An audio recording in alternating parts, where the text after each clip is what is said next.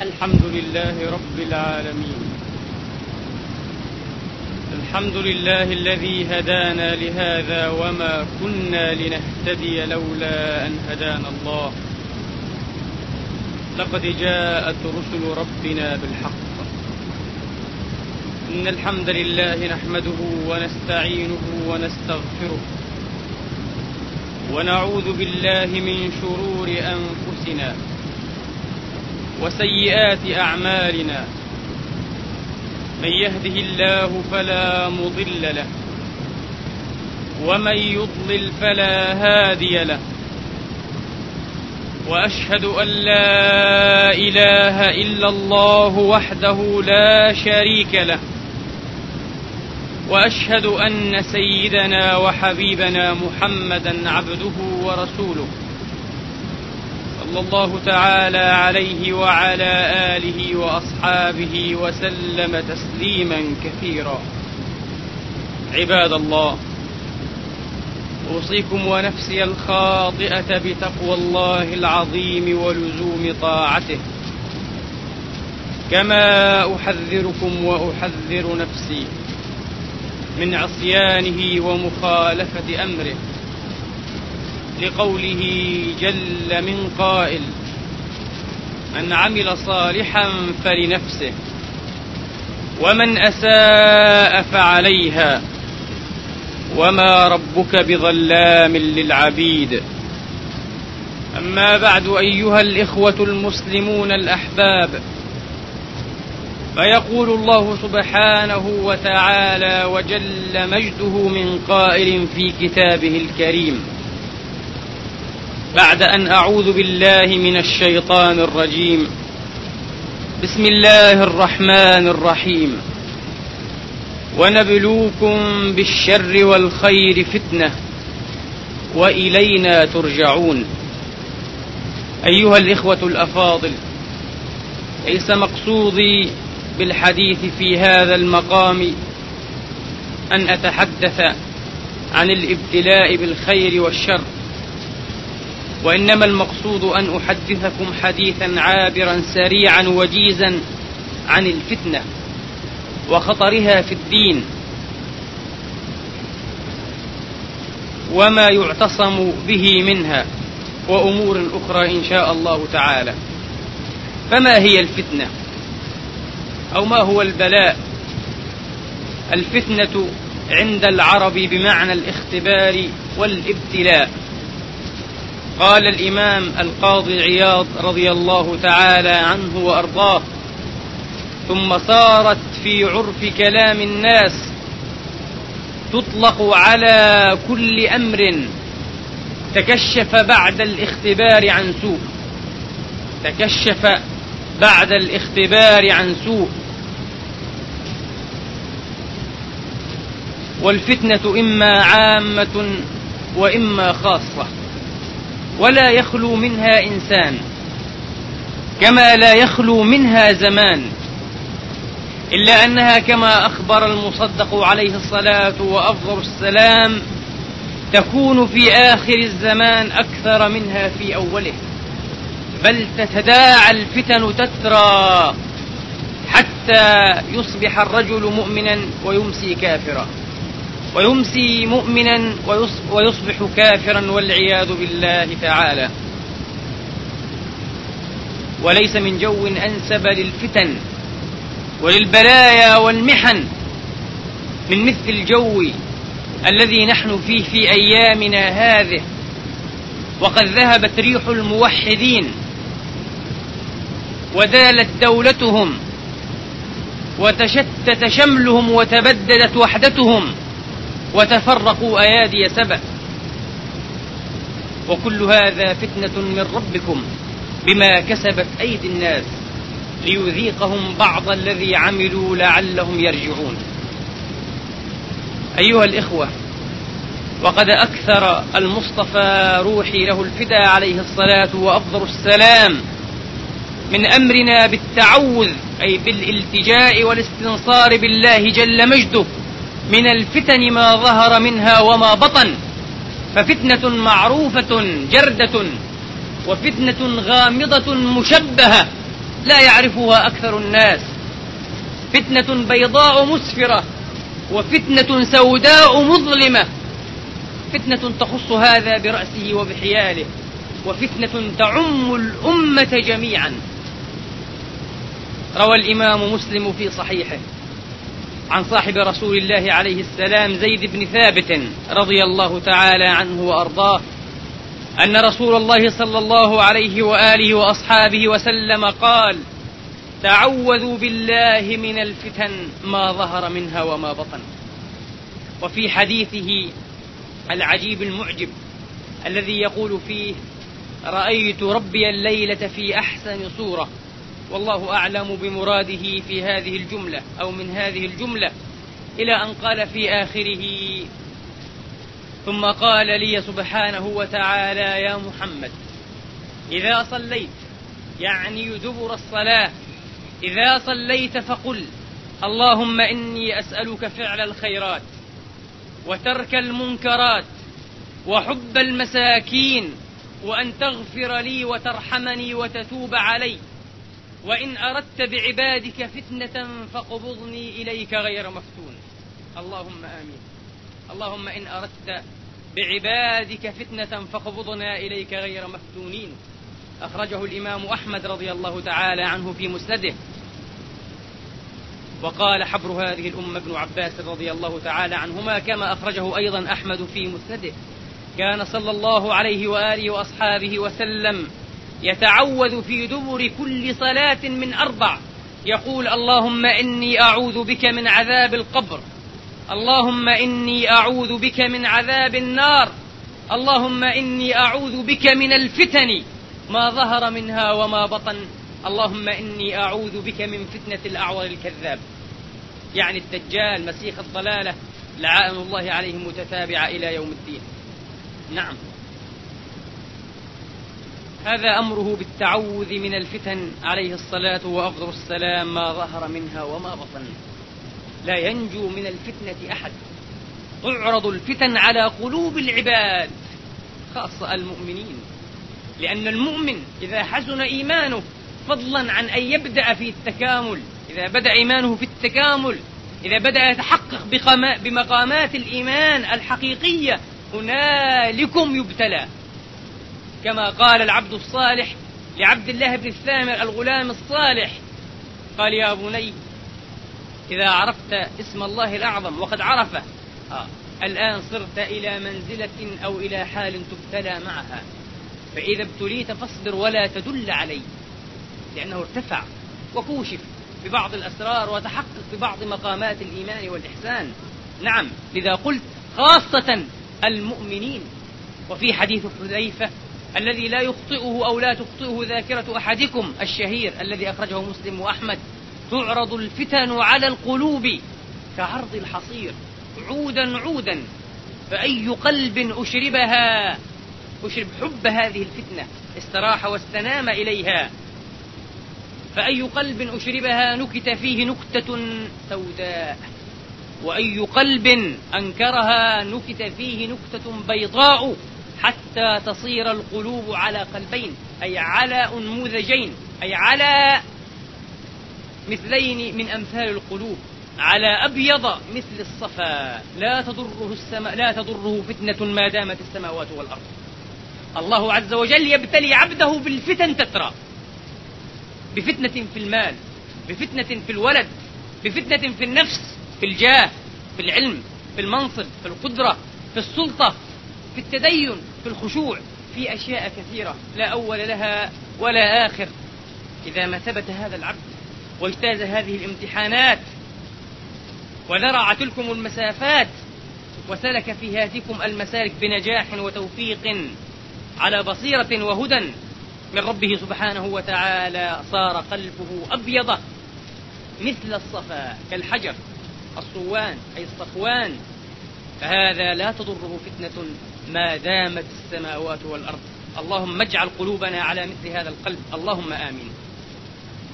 والآخر أسود مربادا شديد السواد كالكوز مجخيا أي مقلوبا لا يعرف معروفا ولا ينكر منكرا إلا ما أشرب من هواه والعياذ بالله. ولذا روى الإمام ابن أبي شيبة عن أبي ثعلبة الخشني رضي الله تعالى عنهما أنه قال أبشروا بدنيا عريضة. أبشروا بدنيا عريضة تأكل إيمانكم. حلوة خضرة. أبشروا بدنيا عريضة تأكل إيمانكم. فمن كان منكم يومئذ على يقين من ربه جاءته فتنة بيضاء مسفرة. لا تشبيه فيها. واضحة. لاحبة جردة بيضاء مسفرة ومن كان منكم يومئذ على شك من ربه جاءته فتنة سوداء مظلمة ثم لم يبال الله في أي الأودية هلك. لأنه على شك في دينه على شك من أمر ربه سبحانه وتعالى. نعوذ بالله من الحول بعد الكون. نعم. هذا عرضها على قلوب العباد. لا ينجو مؤمن فضلا عن غيره. وهذه الفتن تتراوح وتتفاوت منها الكبير الكبير ومنها الصغير ومنها ما بين ذلك وما في ذلك قوام. كله شر وسوء والعياذ بالله إلا أن يجتاز المرء ابتلاء الرحمن فترتفع له درجة ولا يطوى له ذكر في الدنيا والآخرة إن شاء الله تعالى. فهذه المحن والبلايا والخطوب تتفاوت. تتفاوت في عمومها إذا عمت وفي خصوصها إذا خصت. سئل حذيفة رضي الله تعالى عنه وأرضاه عن الفتن. أيها أشد؟ فقال أشد الفتن. أن يعرض عليك الخير والشر فلا تدري أيهما تركب. لا تميز. لا تميز لا تعرف تحتار. وهذا خير وهذا شر. لا تدري تحتار بين الخير وبين الشر. هذا حال لا أقول كثير لكن بعض الناس ونسأل الله السلامة والمعافاة. يحتار بين خير واضح وبين شر أوضح منه. يحتار يتردد. نعم. وسئل خالد بن الوليد رضي الله تعالى عنه وأرضاه عن الفتنة أي عن أشدها. فقال أن تكون بأرض لا يعمل فيها بطاعة الله يعمل فيها بمعاصي الله. ثم تود أي تحب أن تنتقل إلى أرض لم يعمل يعني لا يعمل لم يعمل فيها بمعاصي الله فلا تجدها. أيكون هذا زماننا؟ الله أعلم. ومن الفتنة أيضا من كبار الفتن. ولا أريد أن أعدد لهذه الفتن ولا أن أذكر أنموذجات لها. ما أخبر به المصطفى وكأنه يرنو إلى زماننا عبر المسافات والدهور والآماد والآباد. عندما قال اللهم لا يدركني. قال الراوي أو قال لا تدركوا زمانا. اللهم لا يدركني زمان. لا يتبع فيه العليم. صاحب العلم والهدى لا يتبع. لماذا؟ لأن كل الناس علماء. كلهم معجب برأيه. كلهم متبع لهواه. كلهم عالم نحرير فذ إمام تتلقى عنه الفتاوى والعلوم والفنون. إذا لا يتبع العليم. تختلط العلوم بالجهالات والأهواء بالتحقيقات. الخاسر بالزباد. لا يتبع فيه العليم ولا يستحيا فيه من الحليم. تالله نشهد بالله أننا رأينا في زماننا هذا كيف يحقر الحليم. ليس فقط لا يستحيا منه بل يحقر وينظر إليه بعين الازدراء والاستضعاف لأنه حليم. لأنه رفيق لين في دين الله على إخوانه. يحتقر ويزدرى وربما اتهم. نعم. ولا يستحيا فيه من الحليم. لا يتبع فيه العليم ولا يستحيا فيه من الحليم. تعوذ النبي عليه الصلاة وأفضل السلام أن يدركه هذا الزمان. تراه أدركنا العلم عند الله سبحانه وتعالى. فكما قلت لم يخلو ولا يخلو زمان من فتنة. لكن تشتد الأمور وتتضح أو تضح في زمن عنها في زمن سابق. والله تعالى أعلم. كما سئل أيضا حذيفة رضي الله تعالى عنه وأرضاه ولربما كانت هذه الأمارة أهم هذه الأمارات جميعا أو طرا. كما أخرجه الإمام الحاكم في مستدركه وصحح إسناده ووافقه الذهبي في تلخيصه. قال حذيفة ابن اليمان أمين سر رسول الله عليه الصلاة وأفضل السلام. قال رضي الله تعالى عنه وأرضاه إذا أراد أحدكم أن يعرف هل أصابته فتنة أم لم تصبه فلينظر. ما هو المقياس والمعيار؟ ما هي الأمارة والدلالة؟ فإن رأى حلالا كان يراه حراما فقد أصابته فتنة. فإن رأى حلالا كان يراه حراما فقد أصابته فتنة. وإن رأى حراما كان يراه حلالا فقد أصابته فتنة. التحير في أمر الدين. التحير في أمر الدين. اليوم نرى أن هذا الشيء حلال. ثم بعد ذلك نرى أنه من الحرام. ثم نراه حلالا وهلم جرا. لسنا على بينة في أمر ديننا. هذه من الفتنة. فمن وجد في نفسه هذا الشيء وهذا لا يعني اختلاف أنظار العلماء. اختلاف أنظار العلماء واجتهادات المجتهدين غير داخل بالمرة تحت هذا الحديث الشريف الجليل.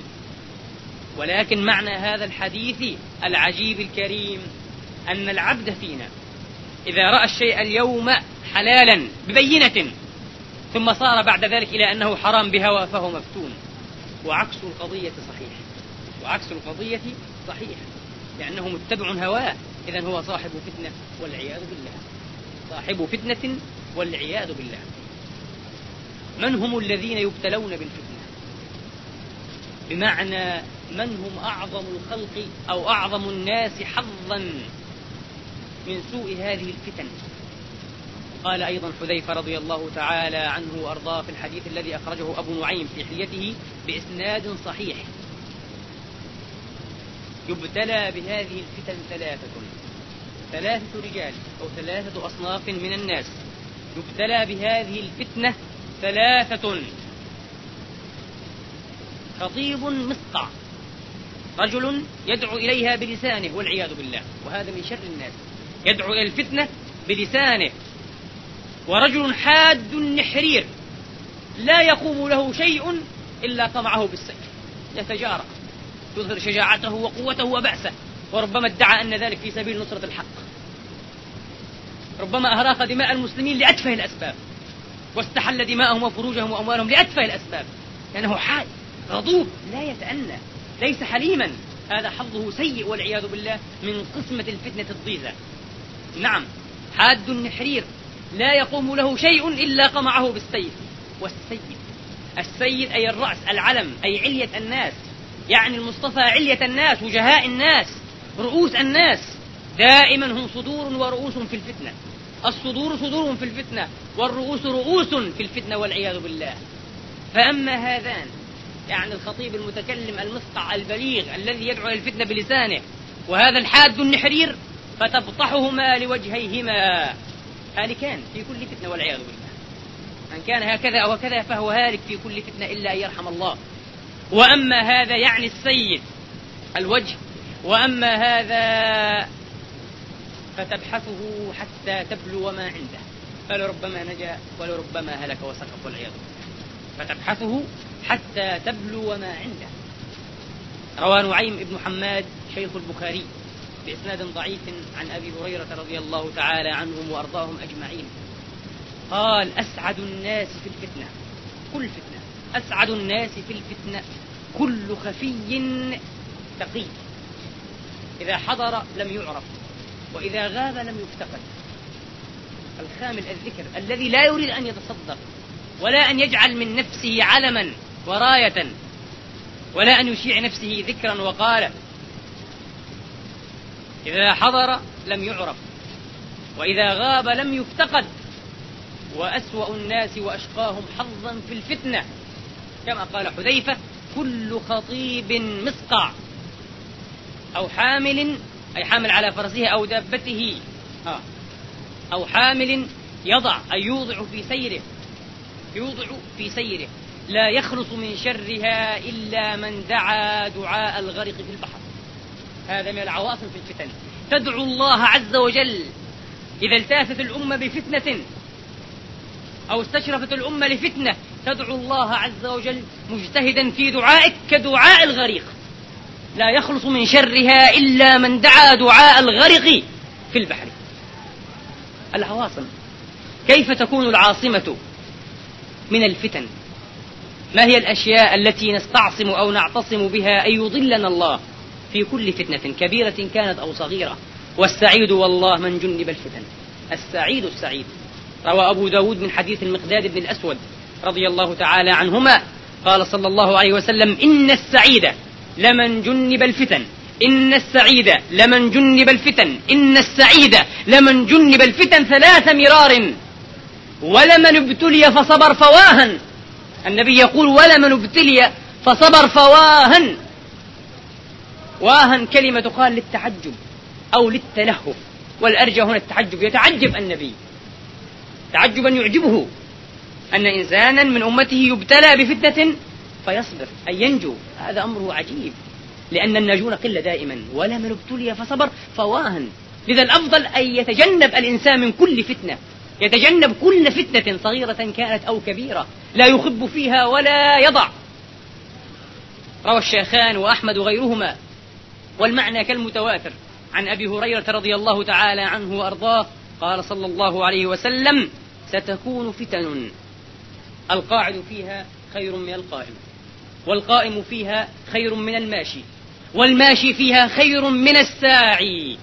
والماشي فيها خير من الساعي. فمن وجد معاذا فليعذ به. فمن وجد معاذا فليعذ به. هذا مقام النجاة من هذه الفتن. سعادة ما بعدها سعادة. فبما ننجو وبما نستعصم ونتوثق على رأس هذه الأمور أن نلزم كتاب الله قراءة وتلاوة وتدبرا ومدارسة وإقبالا بقلب منيب. لا يريد أن يضارب كتاب الله بعضه ببعض ولا يريد أن يحمله وجوها لا يحتملها فإنه حمال أوجه وبعضها ضلالة مبينة.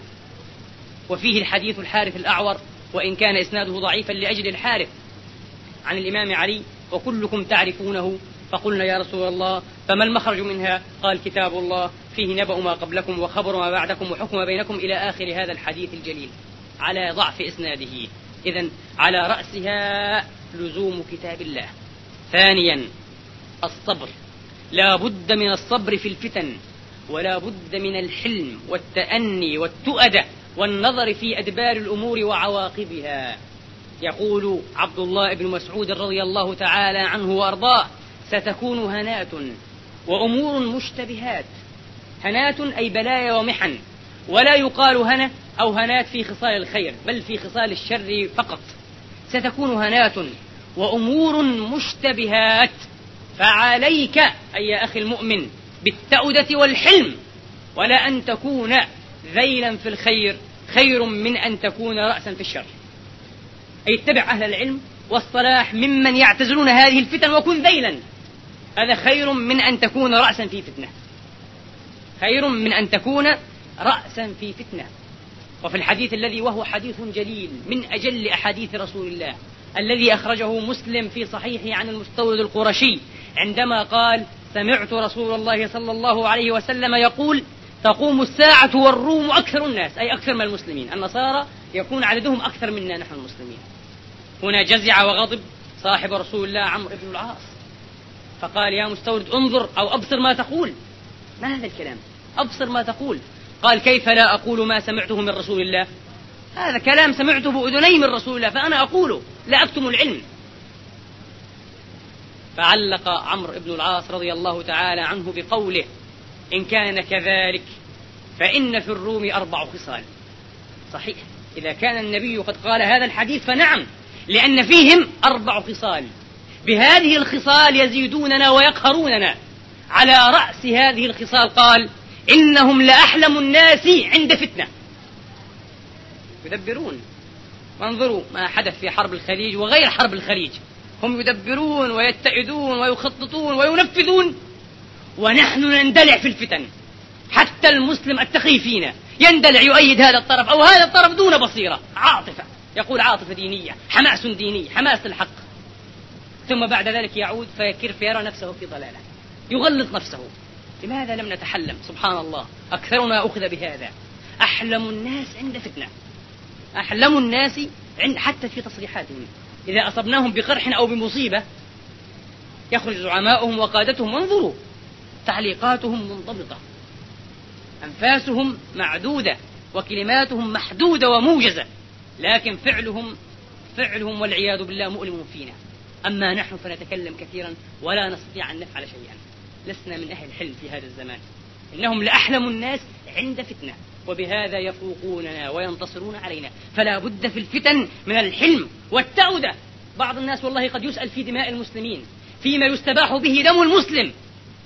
فيقرمط لك الفتوى في فترة أقل من فراغ الميم أو أضيق من صدر اللئيم. في ثواني يعطيك فتوى. ربما يستحل بها دماء موحدين أو فروج نساء مؤمنات والعياذ بالله. لا حلم ولا تفكر ولا تدبر ولا خشية إلا من رحم الله. وفي الأمة فيهم أعلام الحمد لله. لا عدمنا هؤلاء الأعلام الأماثل. فلا بد من الحلم. يا أحبابي وإذا كانت الفتنة بين المسلمين فالأحاديث متواترة في وجوب اعتزالها. اعتزلوها جميعا اعتزلوا جميع الأطراف. إذا كانت الفتنة بين المسلمين اعتزلوها. تواترت النصوص عن الصادق عليه الصلاة وأفضل السلام المصدق بهذا الحكم وبهذا الإرشاد. روى الحاكم وقال صحيح الإسناد ولم يخرجا ووافقه الذهبي أي البخاري ومسلم لم يخرجا مع أنه صحيح الإسناد. وافقه الذهبي عن الحسين بن خارجة رحمه الله تعالى قال لما كانت الفتنة الأولى يعني بين الأصحاب بين علي ومعاوية أشكلت علي. لم يعرف المخرج منها لم يعرف أي الأطراف على حق. فيتبع من ويترك ويذر من؟ أشكلت علي. فقلت لو أني رأيت أمرا من أمر الحق أتشبت به. قال فأريت في المنام. يطلب رؤيا من الله رؤيا صالحة لأنها من المبشرات. ويهدي بها الله من شاء من عباده. فأريت في المنام الجنة والنار والدنيا والآخرة وبينهما حائط ليس بالطويل. بين الدنيا والآخرة حائط ليس بالطويل. وإذا بمجتاز يجتاز عليه. فقلت لأتشبتن بهذا المجتاز عسى أن أنزل على قتل أشجع قبيلة من القبائل فيخبروني. فتشبت به فنزلت على قوم جلوس. فقلت أأنتم الشهداء؟ قالوا كلا نحن الملائكة. فقلت فأين الشهداء؟ قالوا اصعد إلى ذاك المقام إلى مقام محمد صلى الله عليه وسلم. الشهداء في حضرة رسول الله. قال فصعدت فرأيت مقاما الله أعلم آه. بسعته وحسنه. بسعته وحسنه. فرأيت رسول الله محمدا صلى الله تعالى عليه وآله وأصحابه وسلم. لأنه كان صادق النية أن يعرف الحق. فأراه الله الحق في رؤيا بشره بها. والرؤيا تسر ولا تغر محمدا صلى الله عليه وسلم وإلى جانبه رأيت خليل الرحمن إبراهيم عليه السلام. ورسول الله يقول لإبراهيم لأبيه يقول لإبراهيم يا إبراهيم استغفر لأمتي. فتنة. فقال كيف أستغفر لهم؟ وقد قتلوا إمامهم. ابن عفان رضي الله تعالى عنه وأرضاه. ضحوا بأشمطة عنوان السجود به يقطع الليل تسبيحا وقرآنا. كيف أستغفر لهم؟ وقد قتلوا إمامهم. وسفكوا دماءهم. وسفكوا دماءهم. ثم قال إبراهيم سعد من كان على مثل حال خليل سعد يعني سعد ابن أبي وقاص. وكان سعد قد اعتزل الفتنة وكسر سيفه وقال والله لا أقاتل مع أحد حتى تأتوني بسيف له عينان ناظرتان وله لسان ناطق. يقول يا سعد هذا كافر فاقتل هذا مسلم فدع. أما غير ذلك فأنا لا أشارك في فتنة وجلس في بيته. سماه إبراهيم خليله. قال خليلي سعد. إبراهيم خليل الرحمن. قال فأريت أنني أو فرأيت أنني قد أريت. أي أراني الله ما طلبت إليه وابتغيت. فجئت سعد. فقلت لأنظرن مع أي الطائفتين هو فلأتبعنه فقصصت عليه الرؤيا فما أكثر بها فرحا. انظروا إلى أولياء الله ما فرح. مع أنها كما قلت قبيل قليل تسر ولا تغر. هو لا اغتر بها ولا سر بها. لأنه في شغل من أمر الرؤى والأحلام. بعض الناس يعطي الرؤى والأحلام أكثر مما تستحق يبني حياته عليها. وإذا رأى رؤيا فيها بعض التبشير ربما عد نفسه من الواصلين. فما أكثر بها فرحا؟ فلنتعلم من أمثال هؤلاء. فما أكثر بها فرحا؟ ثم قلت له يا صاحب رسول الله مع أي الفريقين أنت؟ قال لا مع هؤلاء ولا مع هؤلاء. أنا لست مع علي ولا مع معاوية أنا اعتزلت الفتنة. فقلت فماذا تأمرني؟ قال أعندك شياه فقلت لا. قال فاشتري لك شياها ثم اطلب بها شعف الجبال فر بدينك من الفتن. هكذا قال المصطفى في حديث أبي سعيد الخدري عند البخاري يوشك أن يكون خير مال المسلم غنما يتطلب بها شعف الجبال ومواقع القطر يفر بدينه من الفتن. يفر بدينه من الفتن. في الحديث الذي أخرجاه عن عبد الله بن عمر ومعنى هذا الحديث متواتر. ليس منا من حمل السلاح علينا. من حمل السلاح على أمة محمد فليس من هذه الأمة. وفي الحديث الذي أخرجه النسائي وهو في الصحيح لكن عبارة النسائي أفظع وأوعد. قال عليه الصلاة وأفضل السلام إذا المسلمان إذا المسلمان حمل أحدهما على أخيه السيف كان على جرف جهنم. فإن قتل أحدهما أخاه دخل فيها جميعا كلاهما. كحديث القاتل والمقتول.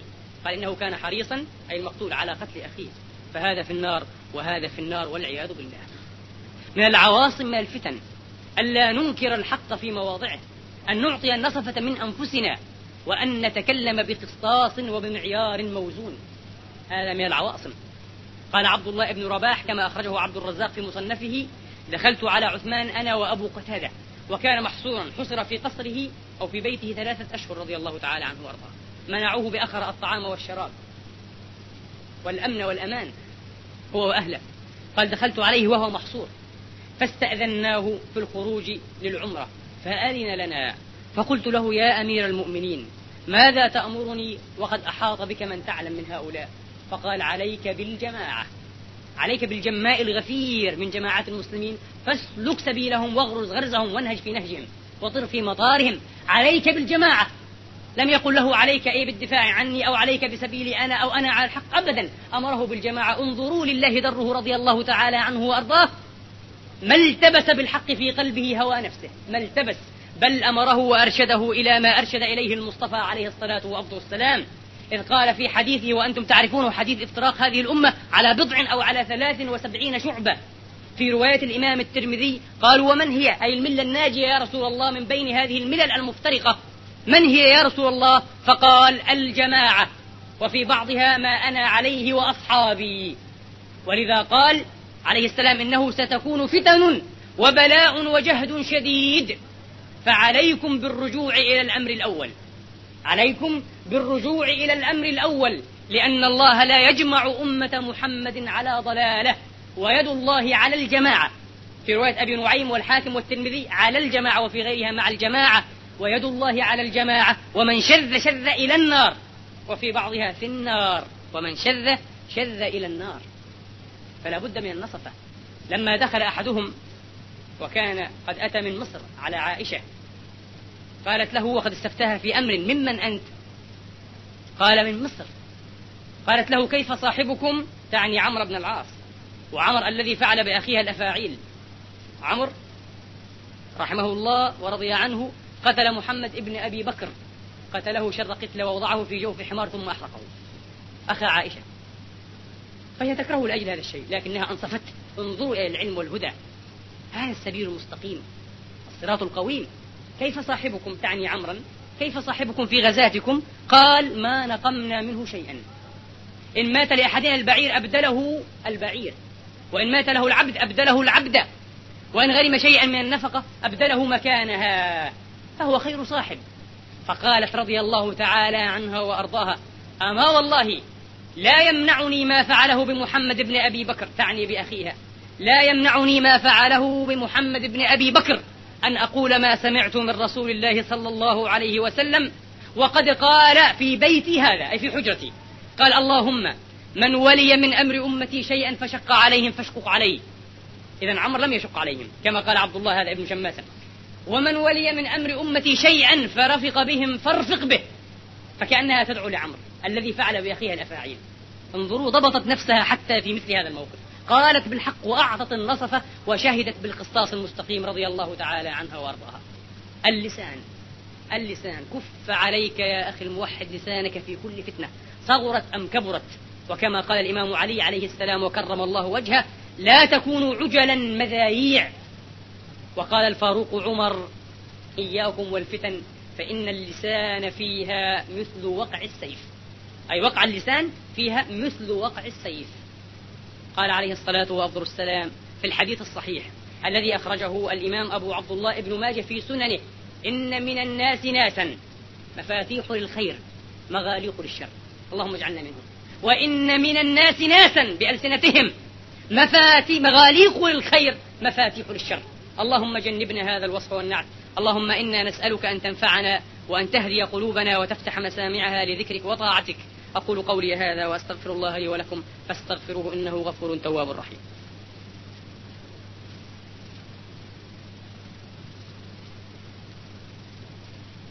الحمد لله رب العالمين. الحمد لله الذي يقبل التوبة عن عباده ويعفو عن السيئات ويعلم ما تفعلون. ويستجيب الذين آمنوا وعملوا الصالحات ويزيدهم من فضله والكافرون لهم عذاب شديد. أشهد أن لا إله إلا الله وحده لا شريك له ولا نظير له ولا مثال له. وأشهد أن سيدنا محمدا عبده ورسوله صلى الله تعالى عليه وعلى آله وأصحابه وأتباعه إلى يوم الدين. اللهم إنا نسألك الهدى والتقى والعفاف والغنى. اللهم اجعلنا مفاتيح للخير مغاليق للشر. اهدنا واهد بنا. واجعلنا هداة مهديين غير ضالين ولا مضلين لا فاتنين ولا مفتونين. اللهم إنا نسألك فعل الخيرات وترك المنكرات وحب المساكين وأن تغفر لنا وترحمنا وتتوب علينا. وإن أردت بعبادك فتنة فقبضنا إليك غير مفتونين. اللهم ارفع مقتك وغضبك عنا. اللهم ارفع مقتك وغضبك عنا. اللهم ارفع مقتك وغضبك عنا. اللهم اجعل قلوبنا على قلب أتقى رجل واحد منا. وحد صفوفنا وأصلح ذات بيننا. وانصرنا ولا تنصر علينا. زدنا ولا تنقصنا. أكرمنا ولا تهنا. أعطنا ولا تحرمنا. خذل عنا ولا تخذلنا. اللهم إنا نسألك علما نافعا وقلبا خاشعا وعينا دامعا ورزقا واسعا وعملا متقبلا ودعاء مستجابا. ونسألك اللهم ونبتهل إليك بالضراعة أن تنصر الإسلام والمسلمين وأن تعلي بفضلك كلمتي الحق والدين. ربنا اغفر لنا ولوالدينا وللمسلمين والمسلمات المؤمنين والمؤمنات الأحياء منهم والأموات. بفضلك ورحمتك إنك سميع قريب مجيب الدعوات. عباد الله إن الله يأمر بالعدل والإحسان وإيتاء ذي القربى وينهى عن الفحشاء والمنكر والبغي. يعظكم لعلكم تذكرون فستذكرون ما أقول لكم وأفوض أمري إلى الله. إن الله بصير بالعباد. قوموا إلى صلاتكم يرحمني